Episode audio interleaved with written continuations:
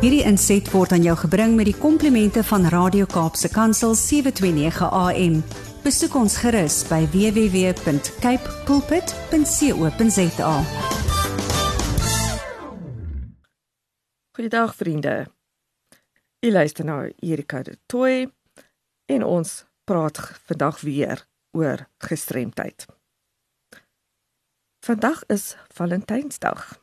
So ek het gedink om bietjie te fokus oor die mense wat ons liefhet en ons verhoudings, gesinne. Dit is binne die gesinsomgewing dat 'n individu se fisiese, emosionele en sielkundige ontwikkeling moet plaasvind. Dit is by ons familie waar ons onvoorwaardelike liefde kan leer, ons reg en verkeerd verstaan en ons empatie, respek en selfregulering ontvang. Hierdie eienskappe stel ons in staat om positief by die skool, by die werk en in die samelewing in die algemeen betrokke te raak. So skryf die Sentrum vir Maatskaplike Geregte in 2010 in die Groenskrif oor die gesin. Nou persone met gestremthede in die algemeen en kinders met gestremthede in die besonder word dikwels van die gesinslewe beroof weens die gebrek aan gemeenskapsgebaseerde ondersteuningsdienste en opvoedkundige geleenthede wat vir hulle en hul gesinne beskikbaar is. En as gevolg van aanhoudende stereotypiese denke dat hulle beter daaraan toe is in gesegregeerde fasiliteite.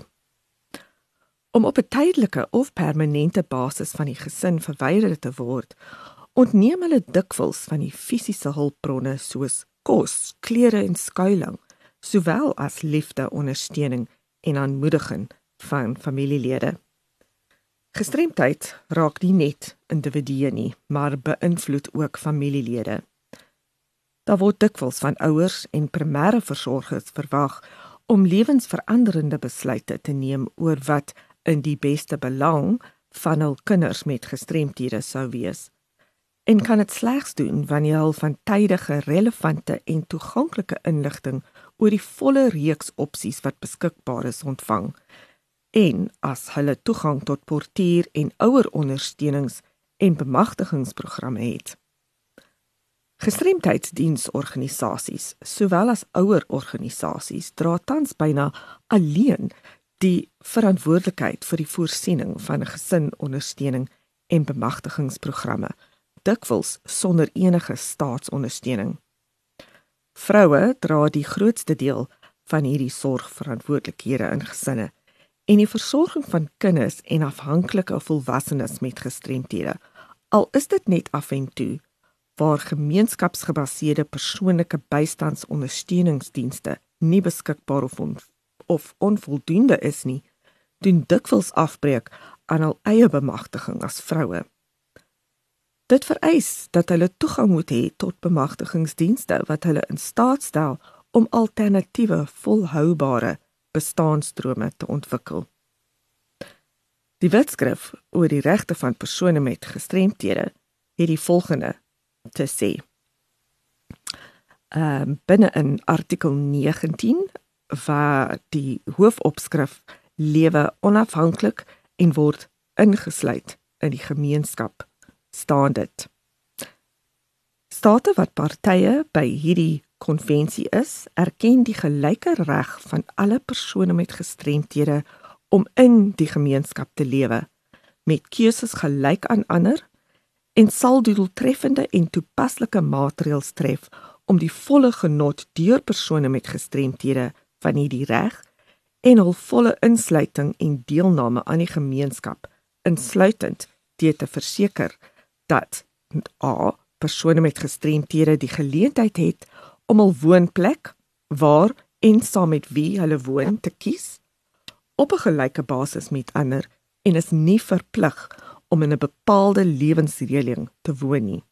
B persone met gestremthede het toegang tot 'n reeks binnehuise, residensiële en ander gemeenskapsondersteuningsdienste insluitend persoonlike bystand wat nodig is om lewe en insluiting in die gemeenskap te ondersteun en om isolasie of segregasie van die gemeenskap te voorkom. En C gemeenskapsdienste en fasiliteite vir die algemene bevolking is op 'n gelyke basis beskikbaar vir persone met gestremthede en reageer op hul behoeftes.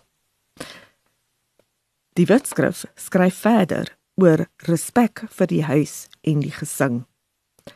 Staatspartye moet doeltreffende en toepaslike maatreëls tref om die diskriminasie teen persone met gestremthede in alle aangeleenthede wat verband hou met huwelik, gesin, ouerskap en verhoudings op gelyke basis met ander uit te skakel en om te verseker dat a die reg van alle persone met gestremthede wat by hubaarlike ouderdom is te trou en op 'n gesin te stig op grond van vrye en volle toestemming van die voornemende gaders erken word en b dat die regte van persone met gestremthede om vryelik en verantwoordelik op die aantal en spasiering van hul kinders en om toegang te hê tot ouderdom toepaslike inligting, reproduktiewe en gesinsbeplanning onderwys erken word en die middele wat nodig is om hulle in staat te stel om hierdie regte uit te oefen op gelyke basis met ander verskaf word.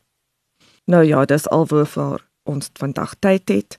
Maar stuur gerus enige navrae aan my by awareness@wcapd.org.za of skakel my kantoor by 021 355 2881. Hierdie inset was aan jou gebring met die komplimente van Radio Kaapse Kansel 729 AM. Besoek ons gerus by www.cape pulpit.co.za.